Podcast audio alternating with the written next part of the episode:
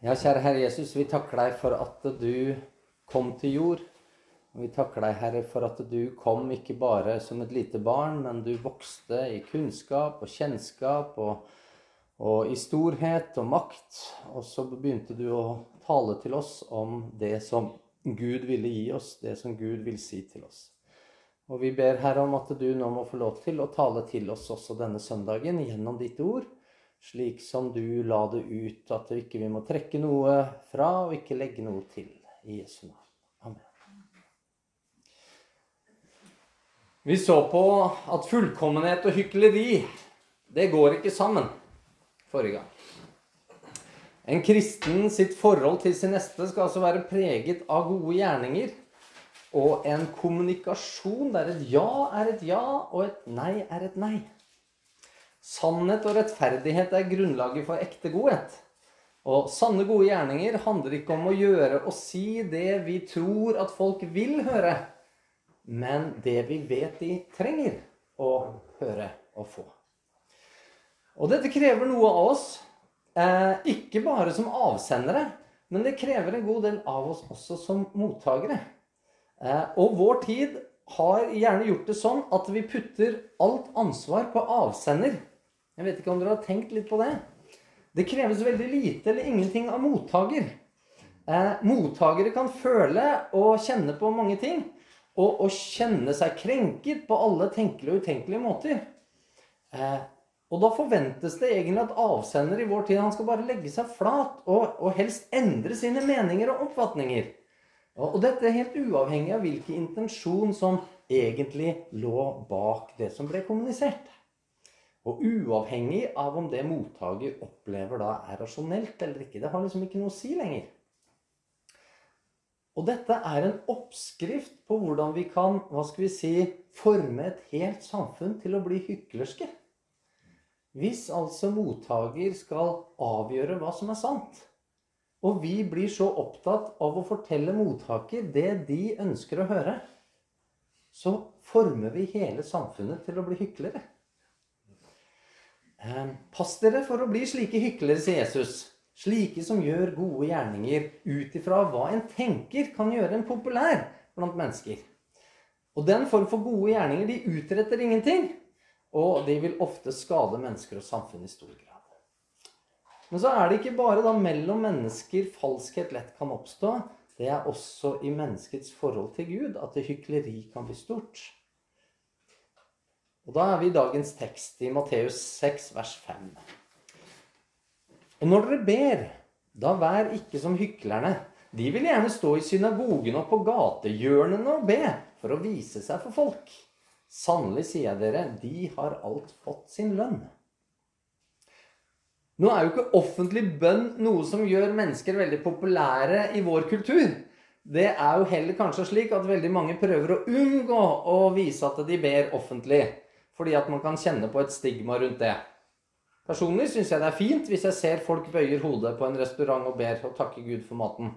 Og det opplever jeg aldri som at de prøver å vise seg fram. Det er ikke noe med at de skal vise andre at de er så veldig mye bedre enn alle andre. Men det viser en takknemlighet til Gud. Det er en ærlighet som ligger der. Og en takknemlighet. Men det at det i vår tid kanskje ikke er så veldig populært, og at du ikke får så mange sosiale poeng av å be offentlig, slik har det ikke alltid vært. Eh, og det har gjennom tidene vært tider der det å vise seg som åndelig og from har vært det som jeg vil kalle datidens politiske korrekthet. Det var det man gjorde for å vise seg at man, man var eh, en bra borger i samfunnet. Og der så var det en tid der Kirken satt med makt og, og rikdom og myndighet. Og da trakk kirka til seg hyklere, sånn som møkk tiltrekker seg fluer. Eh, kirkehistorien er full av eksempler på hyklere innen geistlighet, som vi kaller det, altså innenfor presteskapet. Og kirken har jo paradoksalt nok til tider vært en institusjon som har forfulgt og drept kristne. Mer enn mange andre. Det finnes også i dag grupperinger som bruker bønn for å vise sin fromhet. Og for å utøve menneskelig innflytelse. Jeg har jo sittet på et par såkalte bønnemøter der det var om å gjøre å rope høyest. Det var nærmest om å gjøre å kontrollere det møtet for å vise hvem som var sjef. Hvem som på en måte var alfahannen i, i, den, i den der gruppa der, liksom. Det handla om å vise seg fram. Og der uforståelig babling nådde uante høyder. Eh, og jeg har sjelden eller aldri opplevd noe mindre åndelig enn det. Et, et falskt skuespill på mange måter, som, som alt hadde fått sin lønn. Og som jeg ikke tror det kom noe godt ut av. Snarere tvert imot. Og så er det en annen religion som brer ut sine bønnetepper offentlig og, og, og, overalt. Og de ber offentlig, og du roper ut tid for bønn til hele byen. Og det handler nettopp om å vise andre hvor fromme de er. Og så å forvente at ved å gjøre en slik gjerning, så skal Allah lønne de. Det er slik det allerede fått sin lønn, sier Jesus. Og slik denne søylen praktiseres i islam, så er den egentlig en antitese, som vi vil kalle det. Eller en antilære i forhold til det Bibelen lærer. Helt motsatt av det Jesus lærer oss. For Jesus sier, 'Men du, når du ber, da gå inn i lønnkammeret ditt og lukk din dør.' 'Og be til din far som er i lønndom.' 'Og din far som ser i det skjulte, skal lønne deg i det åpenbare.' Når du ber, så gå for deg selv. Fordi det er en sak mellom Gud og deg. Du trenger konsentrasjon. Og du trenger ikke verdens forstyrrelser. Og du trenger Guds oppmerksomhet, og ikke menneskers oppmerksomhet. Og så er ikke Gud å finne der ute. Han bor ikke i bygninger laget av menneskers hender. Han er ikke i katedraler, i kirkebygg eller hellige byer. Han er ikke mer ute i naturens fred og ro enn i storbyens støy. Gud er i lønndom, står det. Hva betyr det? Vi kan kanskje forstå det når vi ser litt på synonymene. Og synonymene er slike ord som avsides, gåte, hemmelighet og mysterium. Gud er altså skjult. Han er et mysterium. En gåte. En hemmelighet for denne verden. Men så sier Bibelen Dersom dere søker Han, så skal Han la seg finne av dere.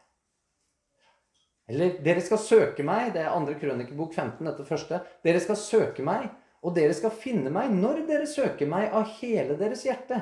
Jeg vil la meg finne av dere, sier Herren i Jeremia 29. Så sier Jesus i neste kapittel, som vi skal se på om noen uker Be, så skal dere få. Let, så skal dere finne. Bank på, så skal det lukkes opp for dere. Men hvor er det vi skal lete? Jo, det er bare ett sted Gud lar seg finne. Og det er gjennom åpenbaringen av Guds ord. Og åpenbaringen av Jesus, som er Guds ord. Og Guds ord ble menneske og tok bolig iblant oss for at vi skulle kunne finne Gud. Det er det som er. Og det er det adventstiden er. Det er det ventetiden er for. At Gud ble menneske for å la seg finne. Jesus blir åpenbart gjennom hele Bibelen, både Det gamle og Det nye testamentet. Og Moses skriver om meg, sier Jesus, og ingen kommer til Faderen. Ingen kommer til Gud uten gjennom Jesus. Og Det er derfor kristne møtes og får utlagt fra Guds ord, fra Bibelen, for der finner vi og møter vi Gud. Og så sier Bibelen det slik i Romerne 10. Så kommer da troen av forkynnelsen, som en hører. Og forkynnelsen som en hører, kommer ved Kristi ord. Å finne Gud skjer ved å høre på det du gjør akkurat nå. Når man finner Gud, så skjer det vi har snakket om de to siste søndagene. Man får del i guddommelig natur. En blir et nytt menneske. Får et nytt hjerte, får nye ønsker og nye mål for livet. Og da forstår man at Gud er der han har sagt han vil være. Men hvor er det? Da slår vi opp i Habakuk, profeten Habakuk, kapittel 2, vers 20. Men Herren er i sitt hellige tempel. Vær stille for hans åsyn, all jorden. Vet dere ikke at dere er Guds tempel, og at Guds ånd bor i dere? Dersom noen ødelegger Guds tempel, skal Gud ødelegge ham. For Guds tempel er hellig. Og dette tempelet er dere. I 1. Korinterbrev 3, 16. Man kan koble det opp imot Johannes 3, 16, så er det lettere å huske det. Og da forstår du kanskje bedre hvorfor Jesus ber deg gå inn i ditt lønnkammer. At du går avsides inn i dette mysteriekammeret, om du vil. En kristen kan ta, altså tale med Gud i sitt indre. Og gjennom Bibel og bønn så får en kristen fellesskap med Gud. Kan du være stille for Guds åsyn midt i bråk og støy? Profeten sa 'vær stille for Herrens åsyn, all jorden'. Kan du konsentrere deg om å lese og be dersom du ikke blir stille, og det er stille rundt deg? Jesus han gikk stadig avsides for å be, for å være stille for Faderen. Eh, og verden liker ikke stillhet. Verden er redd for stillhet. For Da kommer det tanker og frykt fram i et menneskes hjerte som mennesker ønsker å slippe. Og Derfor så har verden lyst til å fylle på med støy. Både for øynene våre, og for ørene våre og for hendene våre. Støy som skal fylle hele dagen. Fra du står opp og til du legger deg. Slik at du skal slippe å begynne å tenke sanne tanker. Og dersom man slik benekter Gud lenge nok, vil man til slutt ikke, det, ikke det at man vil slutte å tenke, men Bibelen sier da at mennesker da vil få udugelige tanker. Et, et sinn som ikke fungerer skikkelig. Undertrykkes de sanne tankene lenge nok, så vil usanne tanker overta. Og verden rundt oss vitner veldig om akkurat det. Nei, stillhet for Gud må man ha slik at han kan begynne å tale til deg gjennom sitt ord. Og inn i ditt sinn. Og slik begynne å fylle dine tanker med sannhet.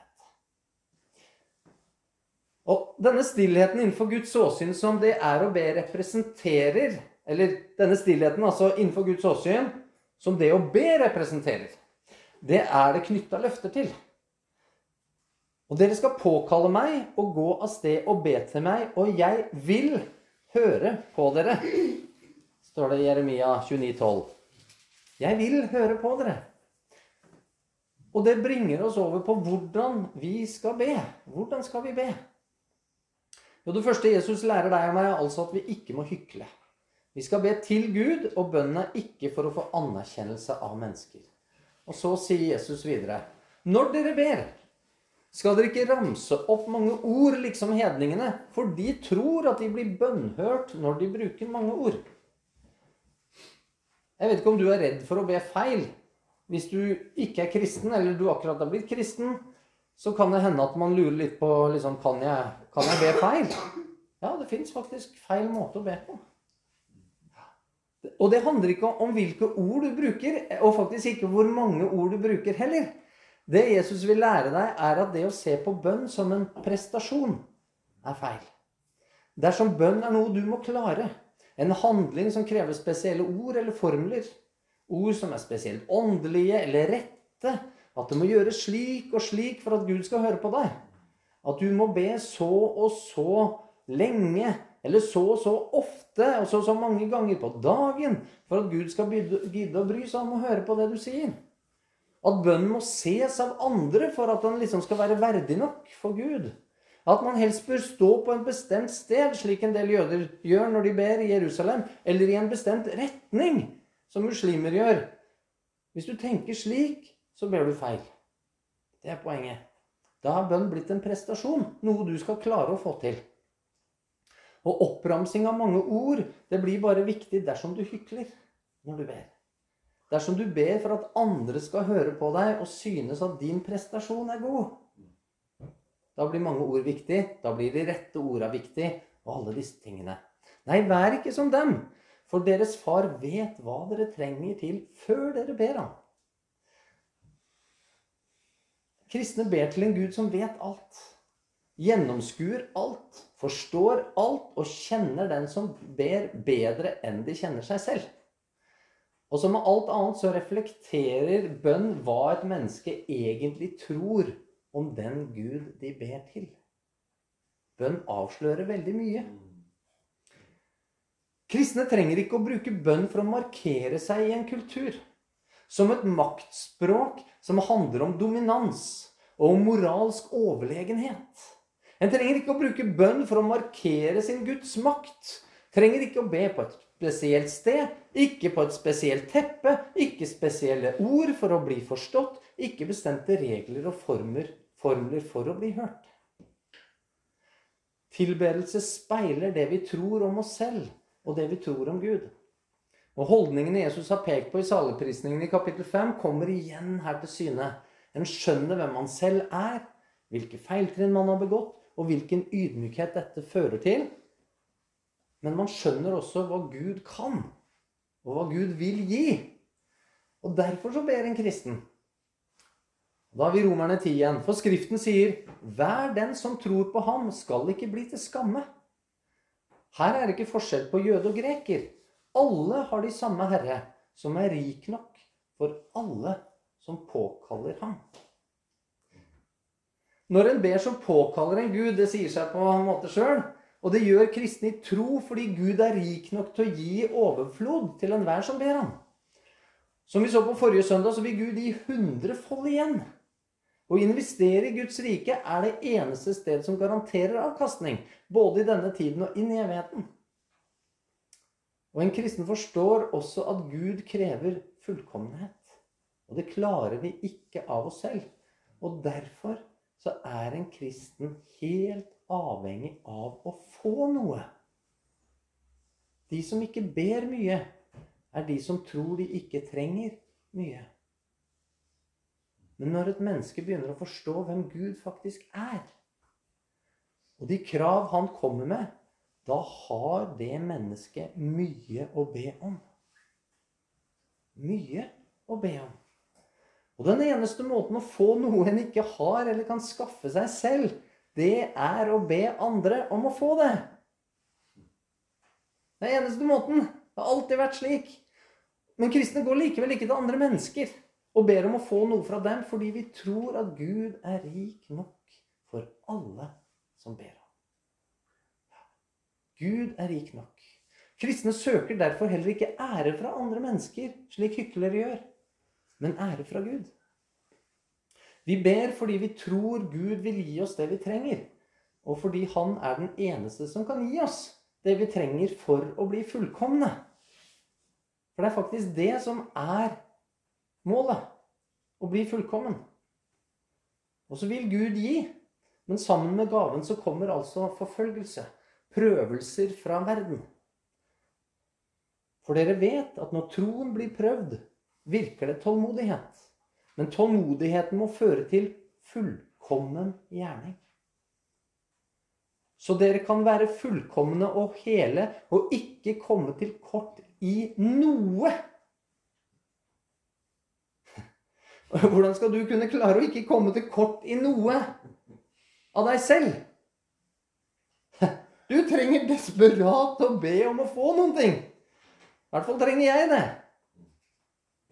Men om noen av dere mangler visdom, mangler noen ting, da må han be til Gud. For Gud gir alle, villig og uten bebreidelse, og så skal han få den. Men han må be i tro, og uten å tvile. For den som tviler, ligner en bølge på havet som drives og kastes av vinden. Ikke må et slikt menneske vente å få noe av Herren.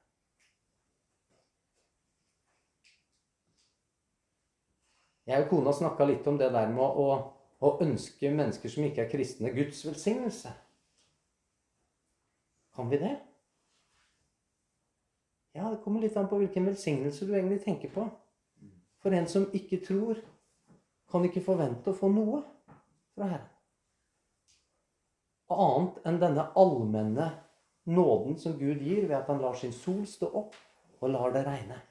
Med andre ord, han lar dem få lov til å leve slik at de har tid til å omvende seg. Kravene som stilles til deg av Gud, er ja, langt, langt utenfor det du selv makter å stille opp med. Du trenger hjelp. Og det er bare Gud som er rik nok til å gi deg det du trenger. For å forstå dette så må du tro, og troen kommer av å høre Guds ord og gi Gud rett i det han sier i Bibelen. Og bare slik blir du et menneske som også kan forvente å få noe fra Gud. For den som ikke tror på det Bibelen sier, vil ikke få noe fra Gud heller. Hvorfor er det slik? Er det fordi en allmektig Gud som kjenner hvor mange hår du har på hodet ditt Han vet alt om deg. Han vet, kjenner deg bedre enn du kjenner deg sjøl. Er det slik at han plutselig får hørselsvansker når du ber? Nei, han vet jo alt. Men det finnes også flere ting som gjør at din bønn blir hindret, eller at Gud ikke vil høre. Da er vi først i Jesaja 59. Se, Herrens hånd er ikke for kort til å frelse, og hans øre er ikke tunghørt, så han ikke kan høre. Men deres misgjerninger skiller mellom dere og deres Gud, og deres synder har skjult hans åsyn for dere, så han ikke hører. Om man ikke tror på det Gud sier i Bibelen, så vil man leve i utakt med Guds vilje. Et menneske vil da leve med uoppgjort synd. Leve i urett. Og da vil ikke Gud høre din bønn. Og profeten Mika sier det samme i kapittel 3, vers 4. Da skal de rope til Herren, men han skal ikke svare dem. Han skal skjule sitt åsyn for dem på den tiden for deres onde gjerningers skyld. Det er altså tider da mennesker ikke bare ber en stille bønn, men de er så desperate at de roper til Gud. Men Gud vil ikke svare dem. Han vil altså nettopp være i lønndom. Han vil være i lønndom. Han vil skjule seg for dem fordi de lever med uoppgjort synd i sitt liv. De har ikke gitt Gud rett. De har undertrykt sin samvittighet. I Salomos ordspråk 28,9 så står det om en vender sitt øre bort og ikke vil høre loven, da er til og med hans bønn en motbydelighet. Huh. Tenk på det. Du kan be til den sanne Gud som kjenner deg og vet alt om deg og det er motbydelig. Noe stygt og urent dersom man ikke vil høre på loven. Jeg vet ikke hvor mange kristne jeg møter som egentlig har det forholdet til loven igjen. Altså det, det, det, undrer meg stadig når jeg leser i Bibelen hvordan dette her er viktige ting. Og dette handler jo ikke, venner, om å leve perfekt. For det klarer ingen av oss. Men det handler om å gi Gud rett Det handler om å gi Gud rett. Et av områdene man må gi Gud rett på, det er mannens forhold til sin kone. For mannen er gitt et spesielt ansvar for at familien skal fungere, og for at ekteskapet skal bli bevart. Og da har vi 1. Peter 3,7. Så skal også dere ektemenn leve med forstand sammen med deres koner, som det svakere kar, og vis dem ære. For også de er medarvinger til livets nåde, for at bønnene deres ikke skal hindres. Hindres. Hvordan blir de hindra? Jo, igjen så handler det om å leve i utakt med Guds vilje. Og om dette blir hindra av at Gud ikke vil høre, eller det blir hindra på den måten at vi rett og slett slutter å be fordi vi mister vår frimodighet Ja, hvem vet? Det kan sikkert vise seg på forskjellige måter. Så vi ser altså at det er ikke bare å be sånn uh, uten videre å forvente svar fra Gud. En del vil si det da. Det er bare å be, og, og så Gud vil høre. Og... Nei, det er ikke helt riktig. Om et menneske aktivt motarbeider Gud, Guds vilje og lov, og ikke gir Gud rett i det han sier i sitt ord, så vil bønn være ord uten mottaker. Så sier Jakob 4 vers 3.: Dere ber og får ikke, fordi dere ber ille, for å sløse det bort i deres lyster. Den som ikke hører på Gud, vil be om å få ting som handler om å tilfredsstille egne lyster. Og det kan hende at vi alle har vært der en gang at vi kanskje ba om å vinne i Lotto, eller vi, vi ba om et eller annet som vi kanskje ser tilbake igjen på og tenker at ah, det, jeg var kanskje ikke helt heldig der. Og så har vi kanskje forstått noe i mellomtiden. Nei Vi vil kanskje lett da, hvis vi ikke lever der i pakt med Guds vilje, så vil vi fort be om ting som ikke er godt for oss å få. som ikke vil være til velsignelse. Og en god Gud vil aldri gi oss det. Men så står det i 1. Johannes 3, 21-22. Mine kjære, dersom vårt hjerte ikke fordømmer oss, da har vi frimodighet for Gud. Og vi ber, og hva vi enn ber om, det får vi av ham. Fordi vi holder fast på hans bud og gjør det som er til behag for ham. Igjen. Holde fast på hans bud. Holde fast på hans lov. Ja, vi er fri. Frihet i Kristus. Kristus har frikjøpt oss. Vi kan gjøre alt, men ikke alt gagner, osv.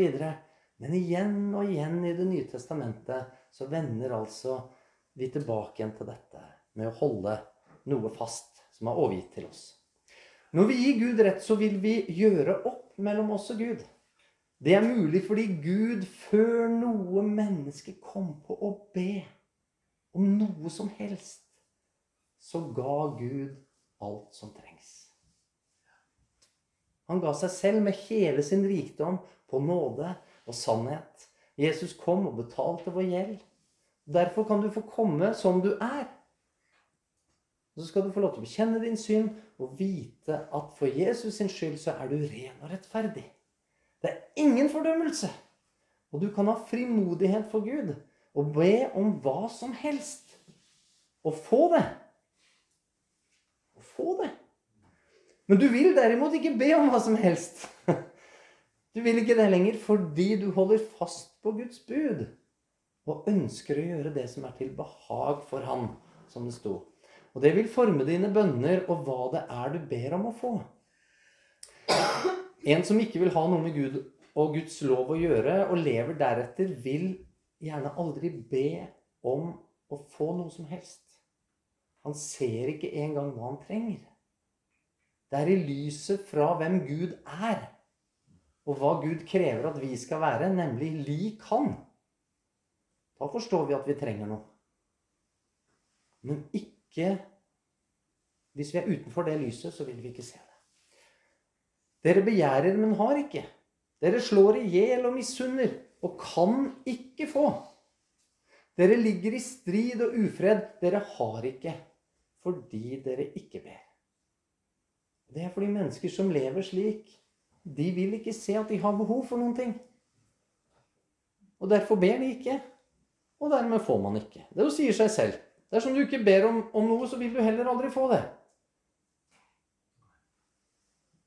Hvis du savner noe av partneren din, eller altså av ektefellen din, av vennene dine, av det kristne samfunnet, og du aldri ber Hvordan i all verden skal du forvente at du kan få det? Hvis ikke du tør å gjøre deg sårbar, hvis ikke du tør å vise ydmykhet, kan du da skylde på din ektefelle Skylde på dine venner. Skylde på det kristne samfunnet at de gir ikke meg det jeg trenger. Nei, du har ikke fordi du ikke ber. Og først så må vi gjerne be til Gud. Noen ganger så vil Gud minne oss på at du faktisk må snakke med de det gjelder. Eh, men det er godt å ta det opp med han først. Men det er annerledes med dem som holder fast på det Gud sier, og som har en ydmyk holdning, slik Jesus lærer at en kristen må ha. Da har vi Johannes 3 igjen, vers 23 og 24. Dette er hans bud, som vi skal, altså skal holde fast på. At vi skal tro på Hans Sønns, Jesu Kristi navn, og elske hverandre slik han bød oss. Den som holder fast på hans bud, blir i ham, altså blir i Jesus, blir i Gud, og han i ham, altså Gud i ham. Og på dette kjenner vi at han blir i oss av den ånd som han ga oss. Og da har på en måte sirkelen jeg har prøvd å, å, å legge fram i i dag, den er på en måte nå slutta. Vi går inn i vårt lønnkammer. Vi blir stille innenfor Gud fordi vi vil tro på Jesus og det han har gjort, har frimodighet til å møte Gud. Han har renset oss rene ved at vi bekjenner våre synder. Vi forventer derfor at han hører og vil gi oss det vi ber om, fordi vi har samfunn med han. Og fordi vi har samfunn med ham, så skjønner vi hva han krever av oss. Og vet at vi desperat trenger å få noe som bare han kan gi.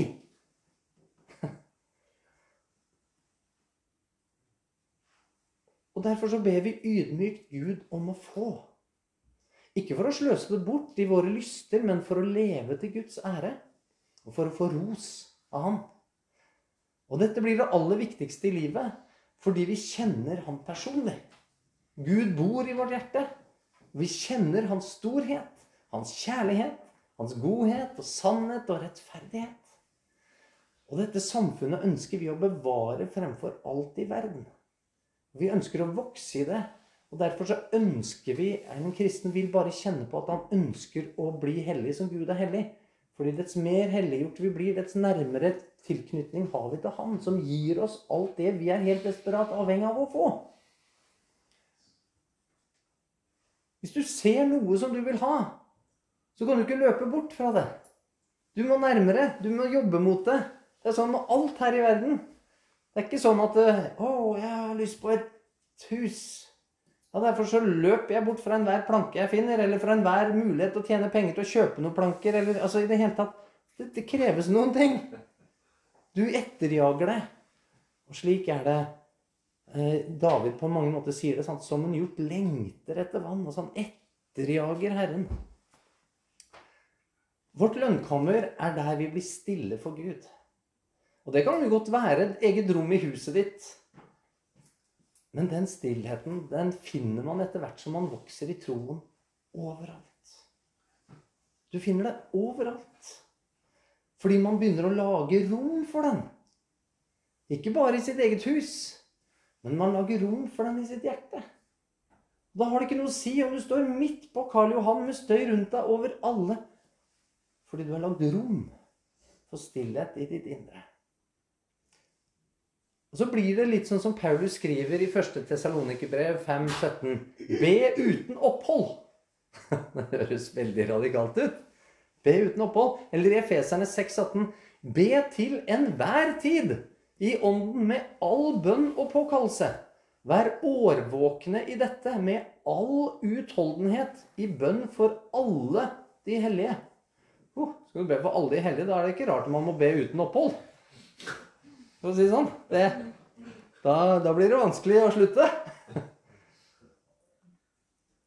Eller sånn som man skriver i 2. Timoteus 1, vers 3. Jeg takker Gud, som jeg for mine forfedre og tjener med en ren samvittighet, når jeg stadig minnes deg i bønnene mine, natt og dag. Natt og dag. Vi kan få lov til å be overalt. Til enhver tid. Natt og dag. Privat og offentlig i stillhet innenfor Gud. Bønn skjer til faste tider og når som helst. Det skjer når vi har vansker, og når vi gleder oss.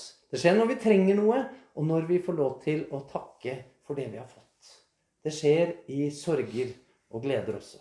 Så vil du etter hvert merke at Gud, som vet om alt du trenger før du ber om det, han vil gi deg så mye at etter hvert så vil du begynne å få det fokuset som dere kanskje har lagt merke til, og som Paulus vitna om her for oss. Dine bønner vil etter hvert begynne å handle stadig mindre om deg og stadig mer om andre. Kjære Jesus, vi takker deg for eh, dine ord om bønn. Så ser vi, Herre, at eh, det å be det er en naturlig respons av å ha forstått noe, av å se noe, av å gi deg rett, av å ha samfunn med deg. Det er inni denne gode sirkelen som fører med seg så mye positivt, Herre. Så ber vi deg om at vi kunne få lov til å leve liv der vi får lov til å se hva vi trenger, og se hvem vi kan få det av, hvor vi kan få lov til å leve med, i et oppgjort forhold med deg, Herre, der vi kan få lov til å ha frimodighet innenfor din trone pga. det Jesus gjorde når han kom. Må vi få lov til å leve i forventning, også når adventstida er over, til det som du vil gi. Det du vil gi til oss, det du vil gi til den enkelte og til menigheten og til samfunnet og til alt som er din kropp, Herre. Vi ber deg om at du kan bruke oss i dette eh, gjennom at vi får lov til å søke deg i bønn og i stillhet, og sette av et rom i vårt hjerte, Herre, som gjør at det blir noe vi kan gjøre til enhver